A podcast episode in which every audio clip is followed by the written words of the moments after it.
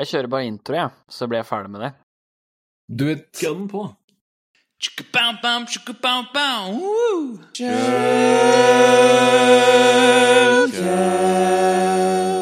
Hei og velkommen til denne episoden av Shellcast. Dette er episode 0xe, eller episode 15. Vi er klare for å bringe deg mer informasjonssikkerhets... eh, ja, nyheter. Kanskje tips og triks. Vi får se. Jeg heter Martin og jobber som pentester. Du finner meg på Twitter som at mrten9. Jeg heter Eirik, jobber som penetrasjonstester i privat sektor, og du finner meg som 0xsv1 på Twitter. Jeg heter Melvin, jobber som penetrasjonstester. Du finner meg under handle Flangvik på Twitter. Jeg heter Joakim, jobber som sikkerhetskonsulent mot finansbransjen, og du finner meg som 0x Agent P på Twitter. Og da er vi i gang. Ja, dere, rett på, rett på første nyhet. Nå har jo endelig PST kommet tilbake og bekreftet det vi har blitt fortalt en liten stund, nemlig at det er russiske, den russiske hackergruppen APT28, aka Fancy Bear, som har stått bak datainnbruddet på Stortinget i år. Dramatisk. Veldig dramatisk. Veldig dramatisk. Eh, Det er jo Det er klart det er veldig dramatisk når, eh, når det er en fancy bear. Ikke minst. Du må si det på litt sånn eh, russisk, tenker jeg. Åssen er det? Fancy bra Fancy Nei, Fancy beer, yes. It is Da. the, the, the very, very uh, skilled APT28 fancy beer. Imponerende. Og Bare for å, klare, eller for å klarifisere det, så skal jeg si at APT står for Advanced Persistent Threat, hvis du ikke visste det. Og det er en tildeling der vi klassifiserer, eller deler inn da, eh, avanserte, ondskapsfulle hackergrupper, eh, typisk state-sponsored, eh, med tall, i en rangering da fra APT 0 til hva enn.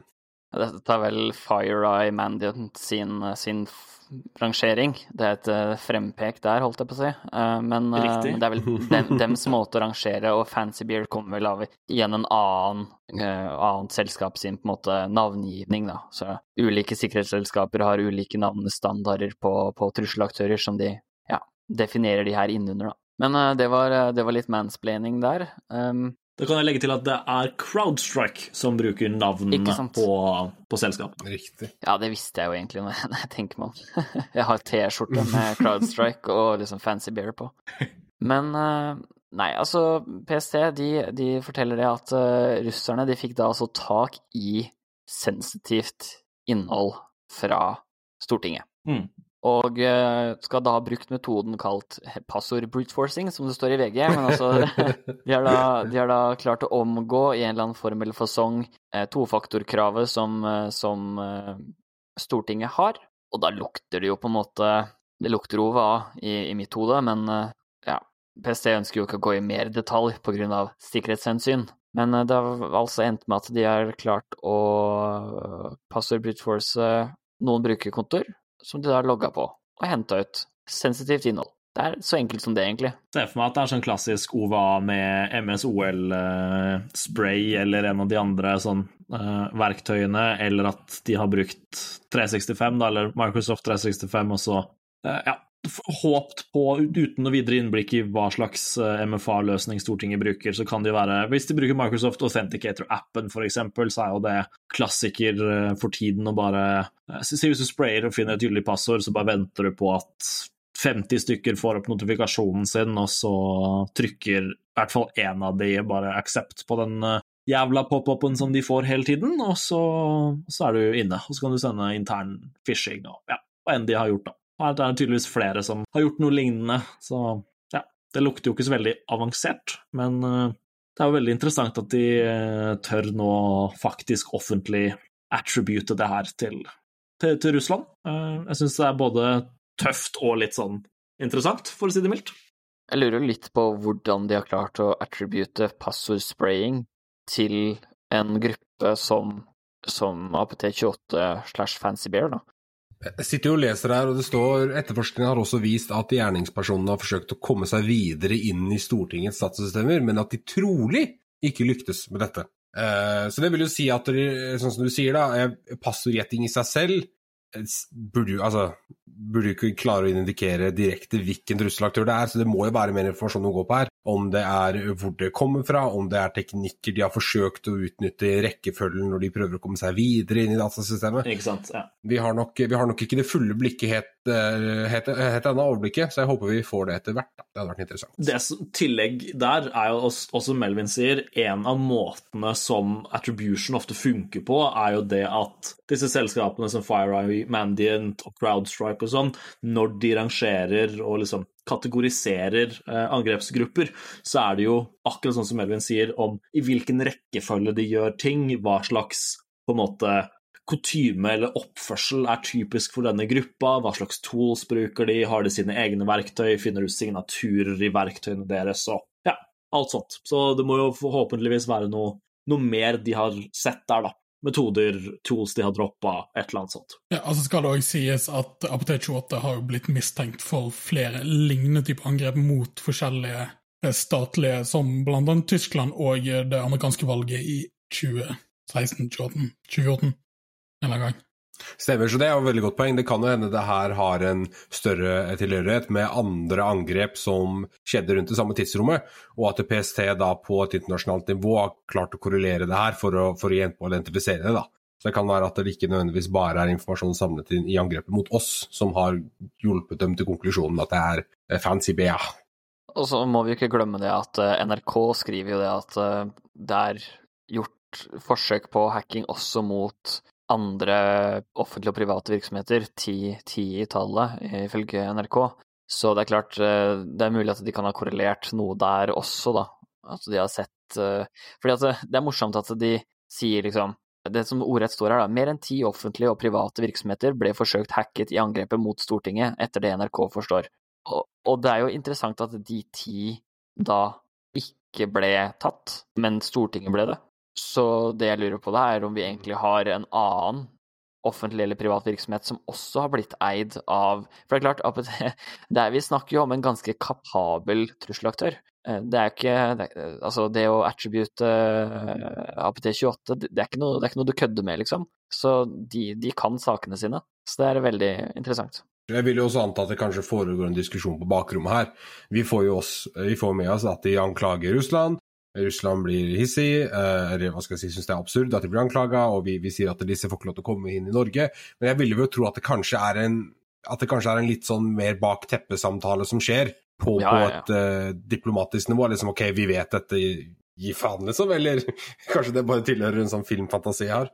Men jeg vil jo tro det, da, at det ikke bare at de bare kaster ut media, uh, informasjon til media og bare sier at det var Russland, ha-ha, og så ja, er det ikke noe som har skjedd bak teppet. Nei, det er også En av de tingene jeg syns er interessant her, er at eh, bare når, når, PST eller Stortinget eller regjeringen gikk ut tidligere i år og sa at de antok at det var Russland, så ble jo Russland ganske strenge i tonen eh, bare da. Og etter det, sånn ca. en uke etterpå, så skjedde det jo ting både hos politiet og hos eh, 10 000 kommuneansatte. Så hvis de viste muskler som respons til forrige gang vi trodde at det var Russland, så er det jo interessant å se om det skjer noe annet på eller mot offentlig sektor i, uh, i Norge over jul. Det er jo en interessant tid å gjøre sånt på. Mm -hmm. Så ja, det blir spennende. Uh, det er helt klart. Uh, og så er det jo litt interessant å tenke det at det, som ble gjort her, og som kategoriseres som, som avansert, er jo dette med passordgjettinga. Uh, og det er Jeg vil jo tro at det er the bare minimum av hva APT 28 kan komme. Altså hvis de dette er, Man skal jo ikke si at det ikke er et seriøst angrep, men hvis det var et hva skal jeg si, hvis det var en, en et skikkelig alvorlig altså Det er jo et alvorlig angrep, men hvis dette skulle være, hvis dette skulle være første angrep i starten på en krig, da, en reell cyberwar, så ville man kanskje brukt litt mer krutt. Brukt noen av de .py, CCP-filene man har sittet på lenge som, eh, som, ikke har noe CV, kanskje. ikke sant? Eh, og ikke gjetta passord, da. Men eh, hva vet jeg? Jeg er ingen uh, advanced persistent threat. Tvert imot, si. Jeg føler det er obligatorisk å dra den Sticky Salmon-joken her. Uh, fordi vi har jo en, vi har jo en joke internt i Shell at Melvin ja, Som sikkert mange her, og som, som, mange av oss også, har man jo kanskje hatt sine litt mer uh, unge og dumme Black Hat-dager på internett, og Melvin kaller vi da internt Sticky Salmon. Så du er jo en APT. Anerkjent av oss. Jeg, jeg ønsker ikke å kommentere det ytterligere. Jeg kan verken bekrefte eller denie Neida. Det, er, det er en intern joke som vi har, og det, det kommer av uh, ulike ting som er mye mindre alvorlig enn det vi fronter det som nå, bare så det er sagt. Spøk. Spøk og moro. Det er jo ikke alle som blir pinga på Twitter av eh, Microsoft Asher-folka, og som lurer på hva faen du driver med, Melvin. Det, nei, det kan heller ikke vi eh, kommentere ytterligere. Det er en morsom historie i seg selv, så det kan vi ta, kan vi ta om eh, Jeg vet ikke hvor mange år det var. Jeg har ikke den foran meg nå. Tar det, tar det over en øl, si. Ja, noen øl. Neste gang Oslo-sekk tar sted i virkeligheten, så er det bare å spandere en øl eller penn på Melvin. Da Gi meg en øl, da, så skal, vi, skal dere få høre historien. Det er greit. Jeg tenker at det er en veldig fin transition over til en av de større topicsene på, på Twitter denne uken. Ja. Har det skjedd noe på Twitter? Det Skjer det ting på Twitter? What? Så det som er litt morsomt eh, denne uken her, er at det er en eh, security researcher som har funnet en remote code execution i eh, Teams, meldingsstrukturen. Det vil si at eh, du sender en, en, eh, en melding på Teams, chatten på Teams, eh, Microsoft-programvaren, til en annen bruker, og så kan du kjøre vilkårlig kode på maskinen som mottar meldingen, uten krav til at brukeren må klikke på noe eller laste ned noe eller noen ting. Trenger bare å se i chatten, være i chatvinduet, da. Og det er jo en Altså, dette er jo en svært alvorlig greie. Ikke bare er dette remote execution, men buggen er også vulnerable. Det vil altså si at du kan infisere én enhet og ta over den og få den til å infisere, infisere andre enheter da, eh, ved å spre seg gjennom brukerkontor. Kjempealvorlig. og det som er litt moro her, er at når Microsoft eh, mottok denne eh, rapporten da, fra researcherne, så sier Microsoft at ja, vi anerkjenner dette som en bløgg En bløgg. Vi Som en bløgg. En bløgg. Er Her har vi tittelen på episoden. Faen! Ok, Blacks all around. Vi anerkjenner dette som en bug i Office 365, men vi kategoriserer det som important med impact spoofing.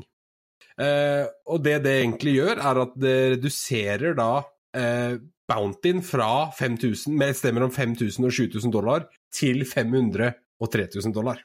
Dette er den laveste rangeringen da, som er mulig i, eh, i Office 365 sitt bug bounty-program, skal jo sies da. Det er jo eh, Ja. Det er har ekstremt blitt, tullete. blitt en greie da, at eh, alle remote code execution bugs, de kaller man nå for important spoofing. Eh, Bare for å legge litt til sånn viktigheten av dette, denne gjelder òg da at du kan warmball til alle organisasjoner du noensinne har invitert til et Det er det Teams-møte. Så det er ikke bare din egen organisasjon, det er alle andre du òg har kanskje snakket med om diverse ting siste tiden. For det, det var litt av clouet som, som de la ved også, at denne her er jo, som du sier, wormable. Altså du kan, du kan da automatisere at eh, andre folk sender til andre folk til andre folk, og så kan man da, siden man i Teams kan ha shared på en måte Jeg vet ikke hva det heter i Teams, jeg. men altså du kan på en måte være i del av ulike organisasjoner via via, på en måte. Multitenant, basically. Ja, men du er òg en Altså- gjest i andre organisasjoner. Og det er bare hvis du er invitert til en møte, eksempel, så blir du det. Men, men se for deg det, vi snakker, ikke sant, Når jeg jobba som konsulent før som utvikler, så var vi i chatgrupper med sikkert 30 personer, og alle var fra eh, forskjellige selskaper. da, Underleverandører, konsulenter.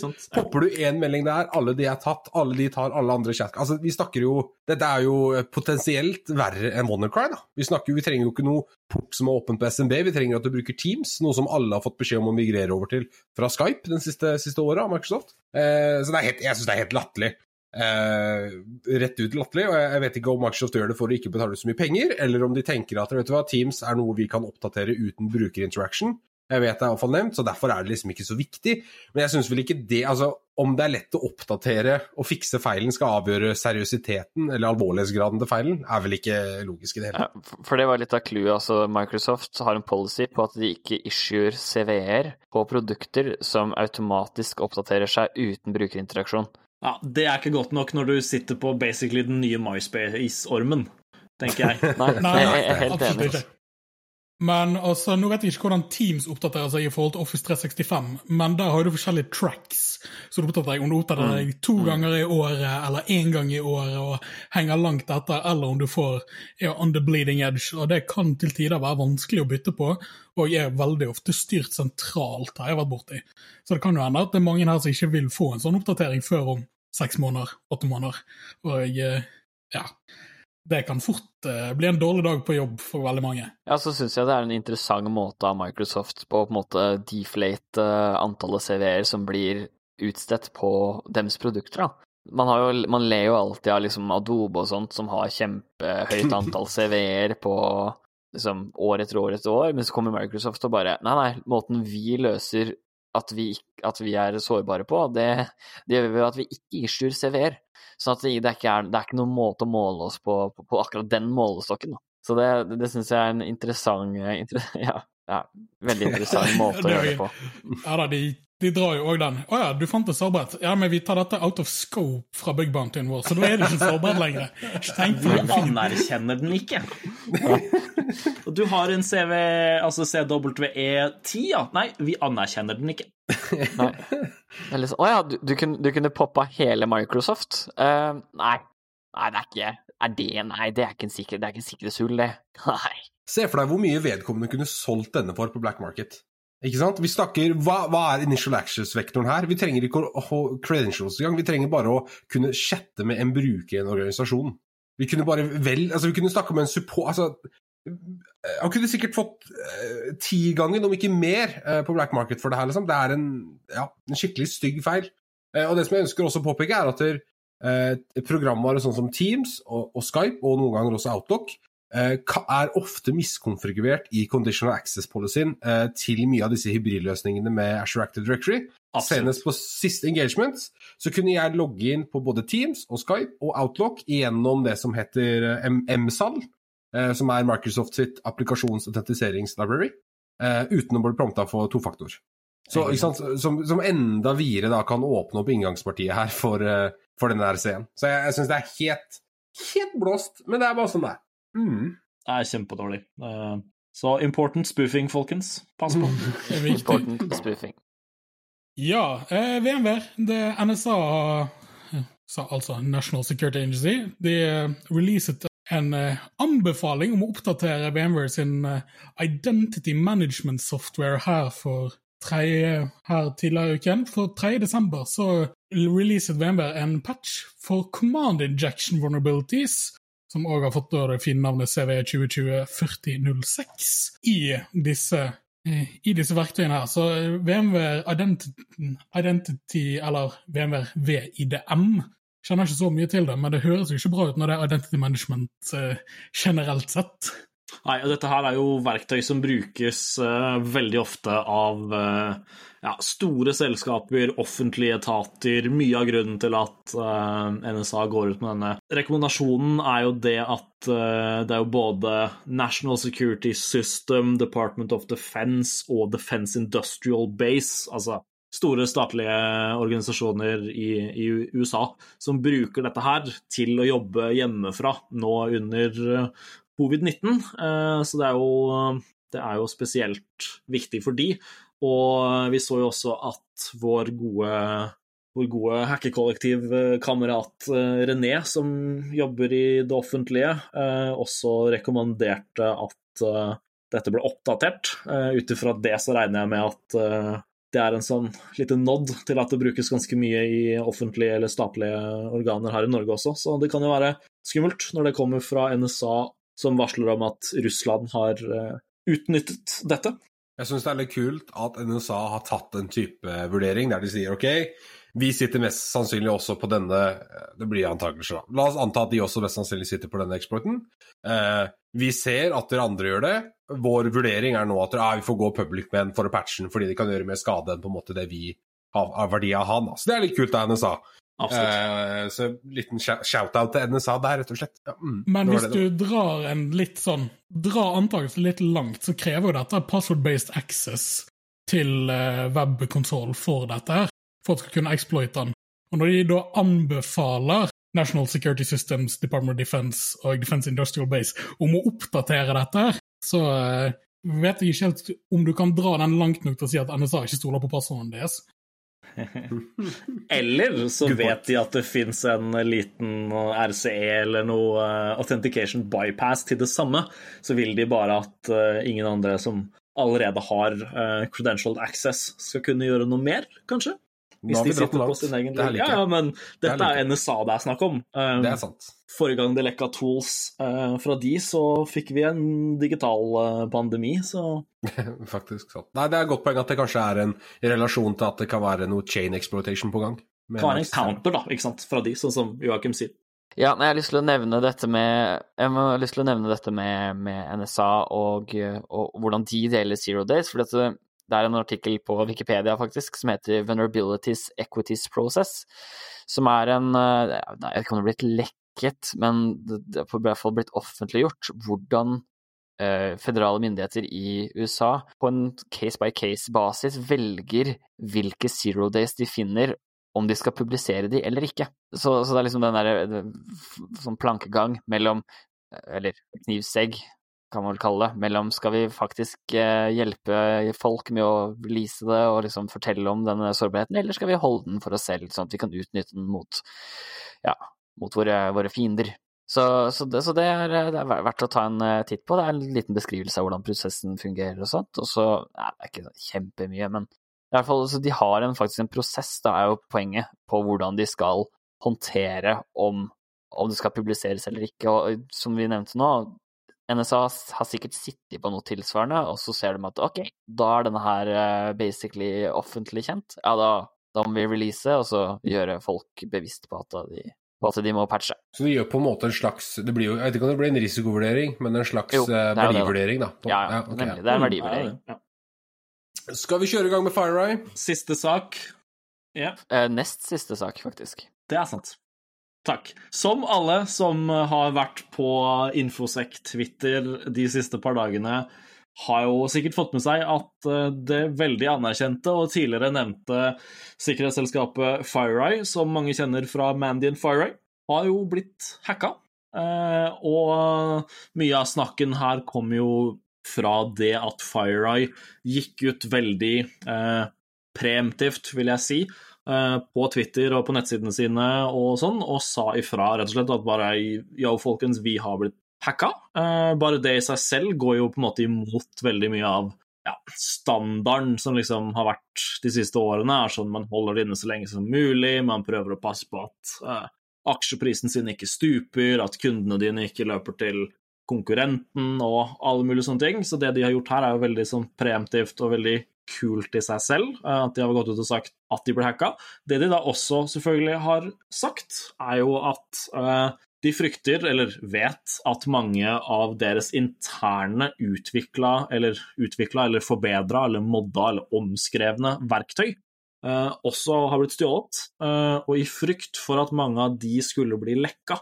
Og her snakker vi da mest sannsynlig om liksom eh, CNA-filer til Cobalt Strike, eh, altså open source-verktøy som har blitt skrevet om, som ikke er signatur... Altså, ja, signatured, blir det vel. Eh, og mye sånt som de frykter at eh, potensielt kan påføre skade mot sine kunder, da selvfølgelig også eh, spesifikt. De må jo holde kundebasen sin.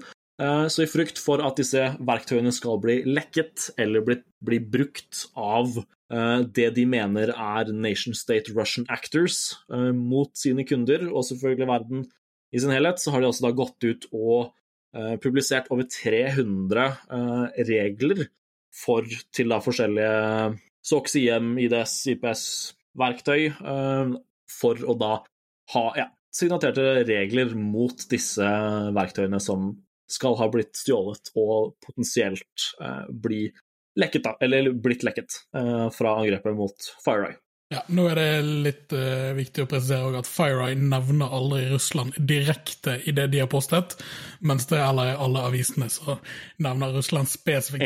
Men Ja. det er fortsatt god tro til å anta at det er Russland, ettersom at FireEye har jo vært ute ekstremt mange ganger og sagt Russland har gjort XYZ, Kina har gjort XYZ, Nord-Korea har gjort XYZ. Ja.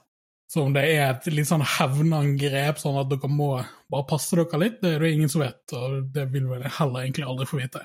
Nei, det blir jo spennende å se hvordan det her eh, spinner videre og går videre. Og ja, nei, sånn som vi nevnte tidligere med Stortinget og PST, så har jo ikke, eller allegedly, i frykt for meg og min familie. Allegedly så har jo Russland gjort veldig mye motangrep og vist litt muskler eh, på internett i det siste, med å gjøre ja, motangrep og, og selv om si f.eks. Norge kaster ut en diplomat eller en spion eller etterretningsagent fra Russland, så klarer de å påpeke at dere trenger ikke å gjøre det, for vi er allerede inne. Så som Joakim sier, så er det jo litt interessant om vi forhåpentligvis noen gang får vite om dette er det samme, da.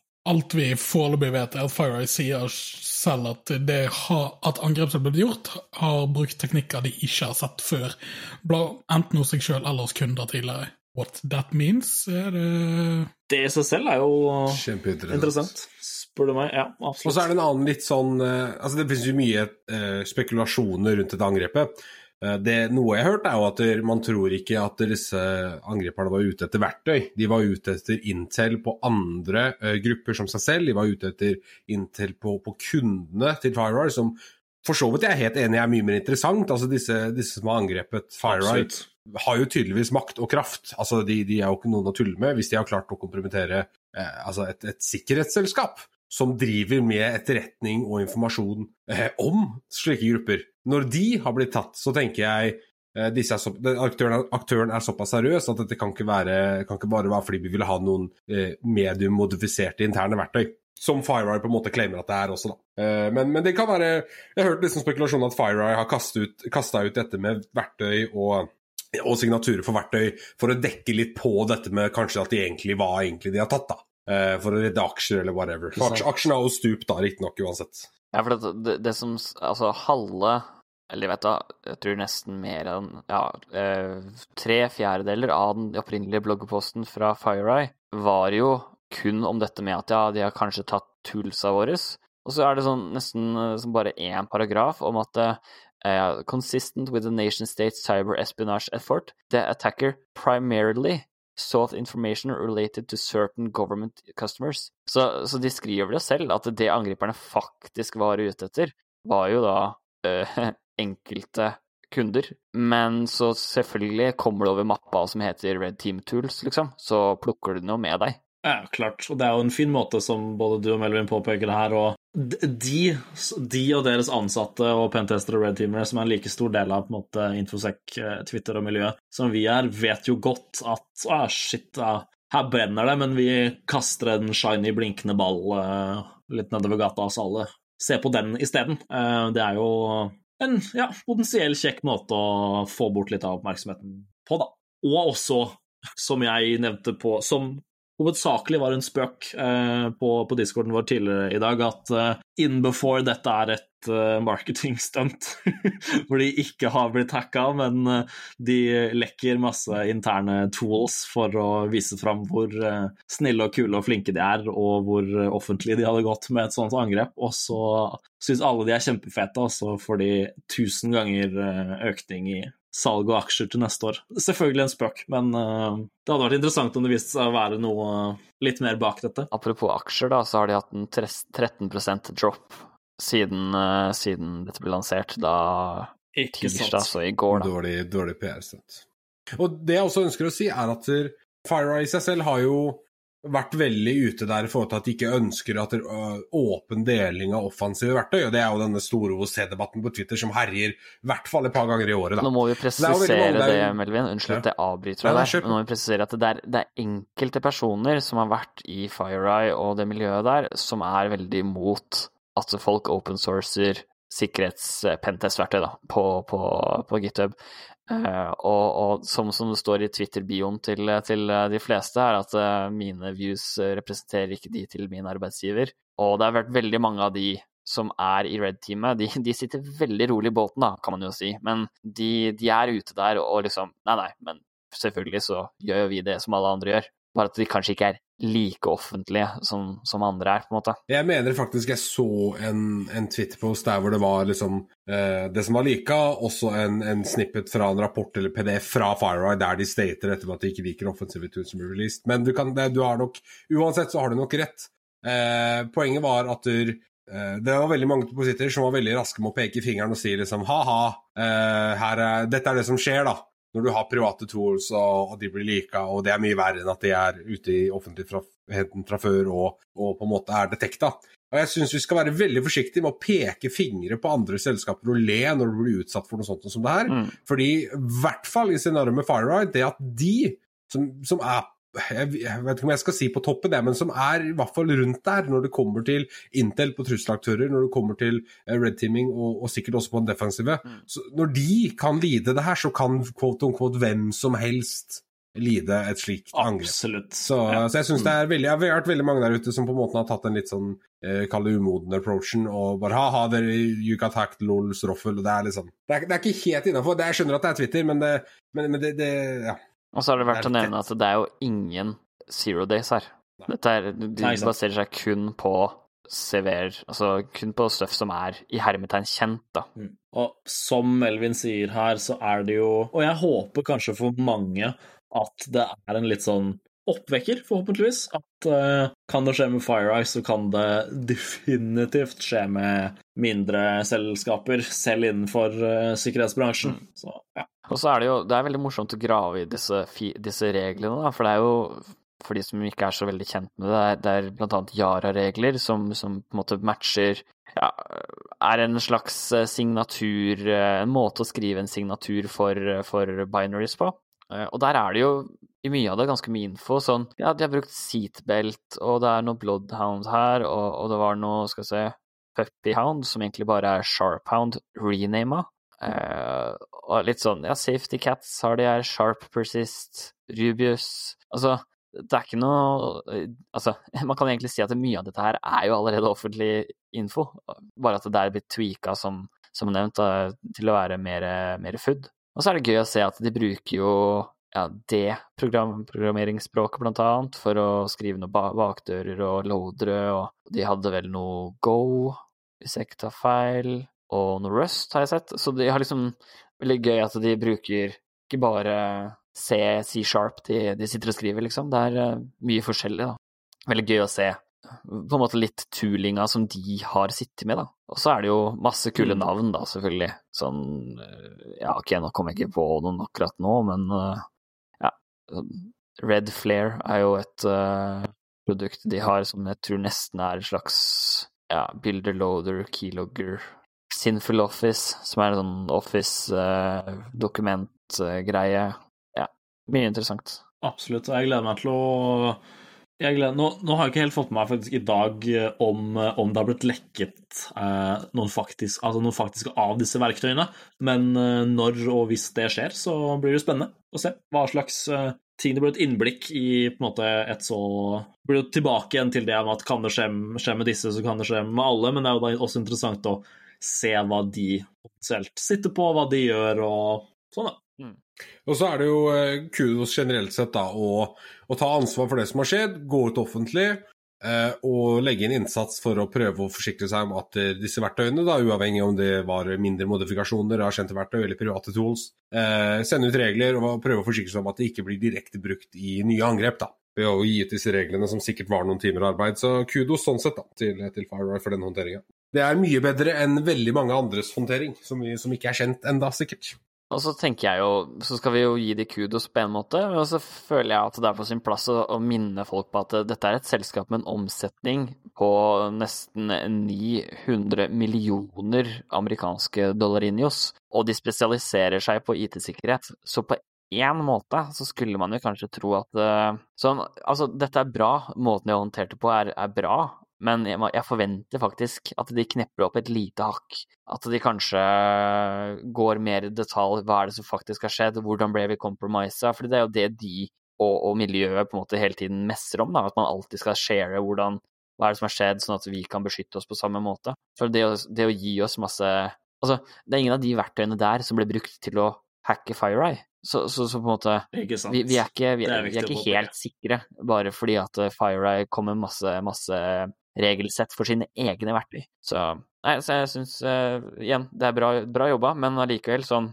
de, de, de har fortsatt litt å gå på. De kan fortsatt gjøre det enda bedre, og det håper jeg de gjør. Ja, men eh, det står jo òg heller ikke når dette angrepet skjedde, og det står Nei, det helt ned, nederst i, eh, i bloggposten en sånn sånn disclaimer at dette er informasjonen vi har per dags dato, og så er det forward-looking statements de bruker.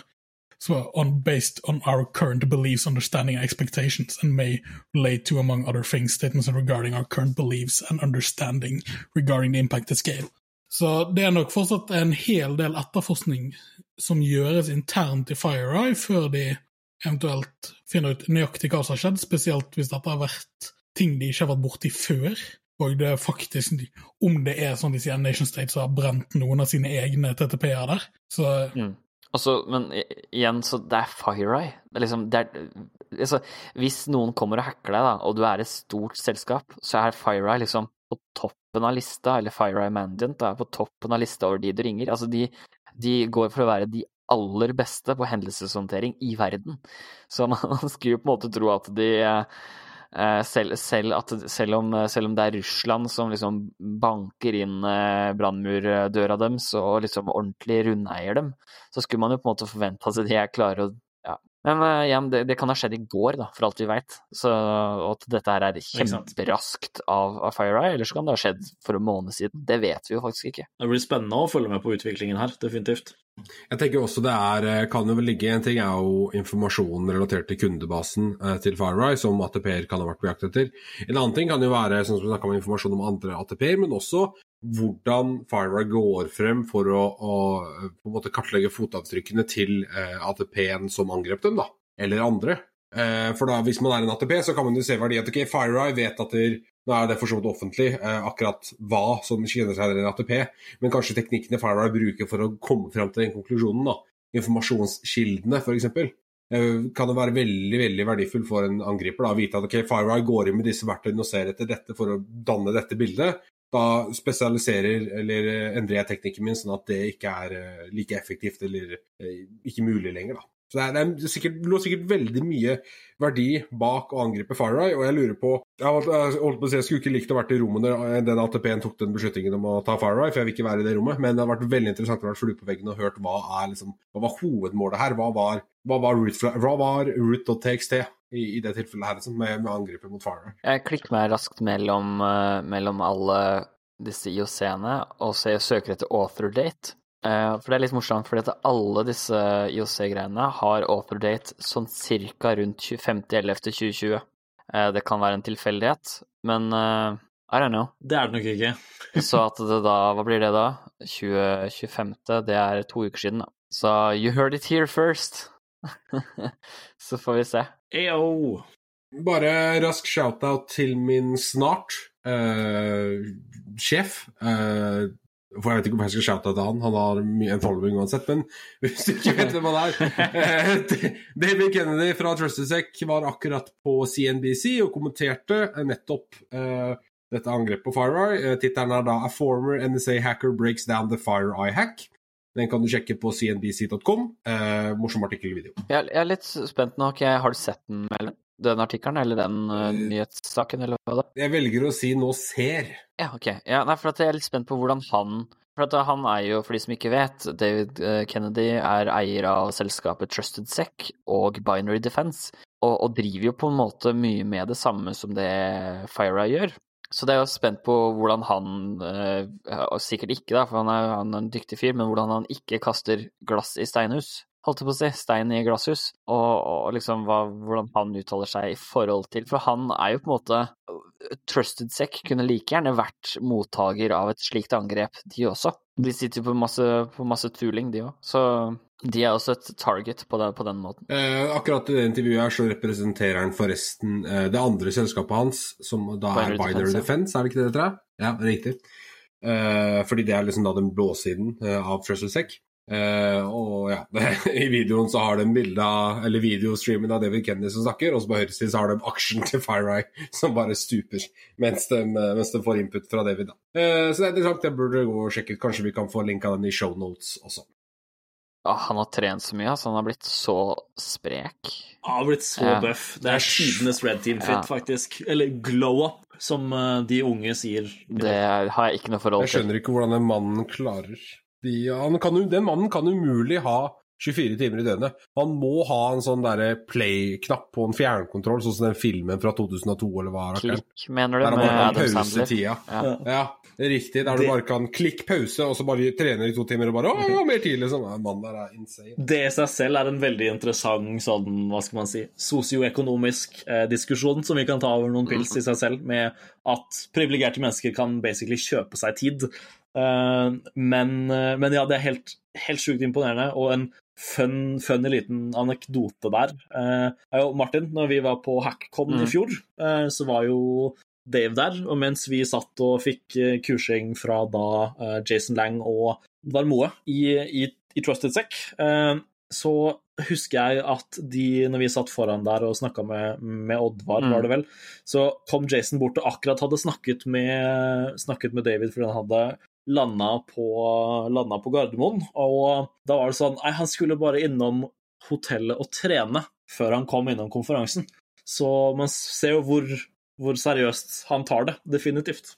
Ja, jeg tenker Men eh, Det er ikke nå er jo David, David Kennedy er jo en eh, høy fyr, så han er sikkert i, altså fysisk høy. Så han er jo Han syns sikkert det er digg å kunne knekke opp beina etter en lang flytur fra Statene til Norge, og, og liksom kunne løpe på en tredemølle eller løfte noen vekter. Så, så det Nei, men eh, rå fyr. Han, følg han på Twitter, folkens. Uh, Hacking Dave. Det anbefales. Men skal vi gå inn mot det som er siste punkt, er det ikke det? Ja. Kenny Jansson, som er Offensive Security Lead i Storebrand-gruppen, altså banken, for de som eh, ikke har vært borti Storebrand før, han forteller på Twitter om at de, de hadde en uh, Capture the Flag-konkurranse, eller event, i, uh, for Storebrand-utviklerne, altså de som utvikler nettsiden, portaler, apper og sånt noe for, for Storebrand, under sikkerhetsmåneden ok oktober, sikkerhetsmåneden i 2019. Og der fant faktisk noen av de som var deltakere der, en uh, Server-Side Request Forgery, uh, altså SSRF, eh, i det som er, eh, hva det het igjen, Adobe, unnskyld, Adobe Experience Manager og eh, Forms add-on-pakken. Og eh, den har da på en måte, ja, den denne har da tillatt at man kan portskanne request-URL-er på in interne tjenester eh, fra internett, blant annet.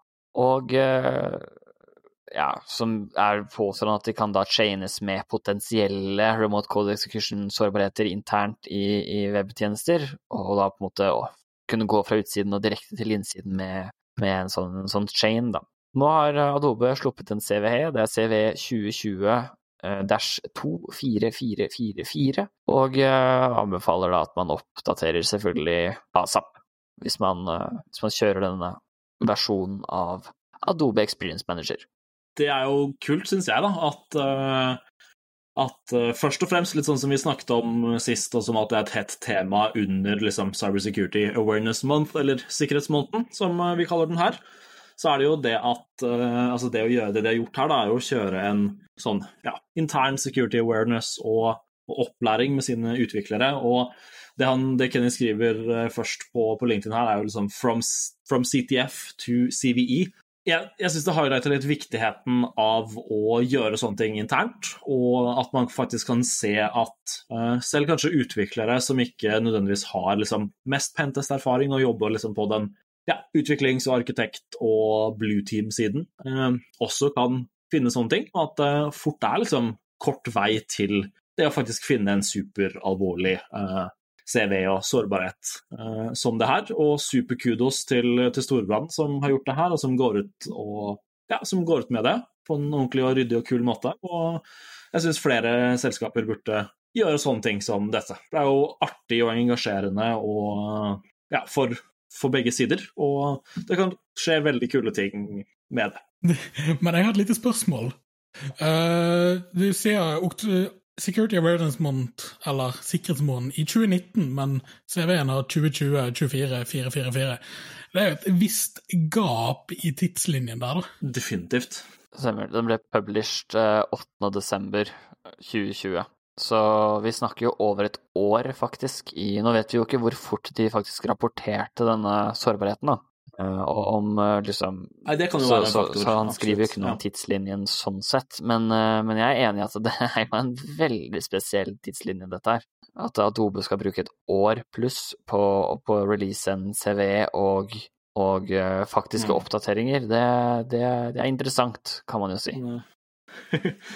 Det har jo vært tidligere, tidligere saker hvor, hvor Adobe og også mange andre selskaper selvfølgelig har vært eksepsjonelt trege på å fikse og også liksom godkjenne og, eller anerkjenne sårbarheter og CV-er. Eh, Så jeg, jeg kan ikke se for meg på en måte at dette er noe negativt fra Storebrand sin side, i hvert fall. Og kudos, kudos til de som har, eh, som har venta med å offentliggjøre det fra sin side. Det hadde forresten vært sykt kult hvis noen eh, som lytter, kjenner noen som jobber, eller hvis noen av dere faktisk jobber i en, i en bank, og, og kommet og snakke snakka litt om hvordan man faktisk gjør offensive security i en bank.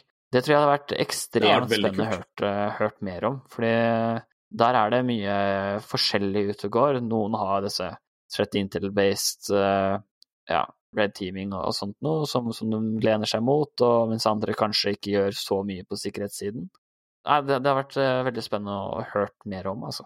Absolutt. Samme gjelder jo da hvis vi kjenner noen som jobber i finanssert eller noe sånt, så ta at Ja. oss. Do that. Definitivt. Send oss en e-post.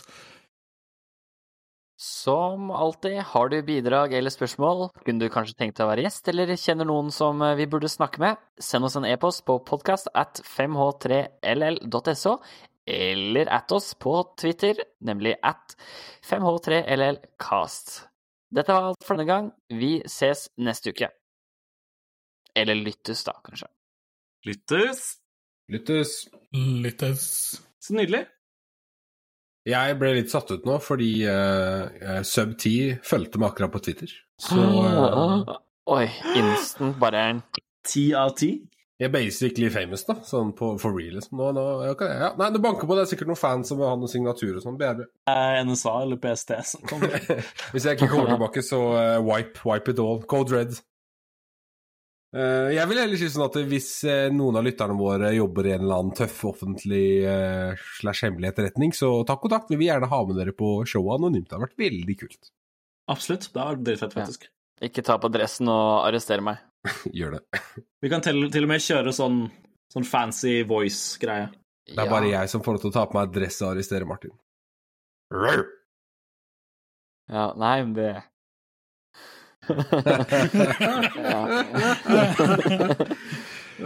det, Jeg trodde ikke vi skulle snakke om det her, Melvin, men uh, Jeg hørte du begynte å skjelve litt i stemmen der. Beklager. Jeg, jeg tuller. det går greit. Bare fordi jeg ikke drar ned stemninga. Oi, oi, oi! Å, fy søren, jeg har så lyst på pils. Altså, sånn, jeg har lyst på sosialt samvær og pils. Det, Åh, Sjæl, altså. Jeg savner mennesker. jeg gleder meg til å møte mennesker igjen. Sjæl. Ja. Når til og med jeg begynner å gjøre det, da er det noe da Ja, jeg har blitt litt sånn liksom, åh, 2021, fy søren, da skal jeg, da skal jeg på alt. Da skal, skal jeg gjøre alt, jeg. Jeg skal dra til Ja. venner som jeg egentlig, egentlig bryr meg om. Jeg skal, jeg, skal, åh, jeg skal bare besøke folk, bare for å kunne. Uh, jeg er jo helt enig, jeg òg har faktisk allerede bestilt uh, første festivalen 2021. For jeg er så klar for å gjøre et eller annet. Det er i januar, da, så jeg håper vaksina kommer snart. Hvis ikke så bare tenker jeg fuck it. Nei, ja, hvis vaksinen er rett rundt hjørnet, så er det ikke så farlig, si. Nå må jeg snart løpe. Uh, har vi noe mer? Dette er, eh, dette er godt. Uh, raskt, syns jeg. Men ja. Herregud. Det har vært kjempebra. Det er jo over en time nå, da. Vetle hadde jo kjefta på oss uh, til de grader. Kan dere ikke bare holde deg unna? Jeg hører det. Sjæl. Jeg hører det. Ja, hvor enn du er, Vetle, du vil ikke fortelle oss hvor du er på oppdrag. Eh, Så de da som har, ikke har forstått at Vetle ikke er med oss i dag, eh, dessverre, så er jo Vetle da og en annen kollega ute på noe spennende Pentest-oppdrag på et sted de ikke kunne nevne her, her til lands. Så håper du koser deg og finner mange sårbarheter. Klem fra oss her hjemme. Best regards. Love you.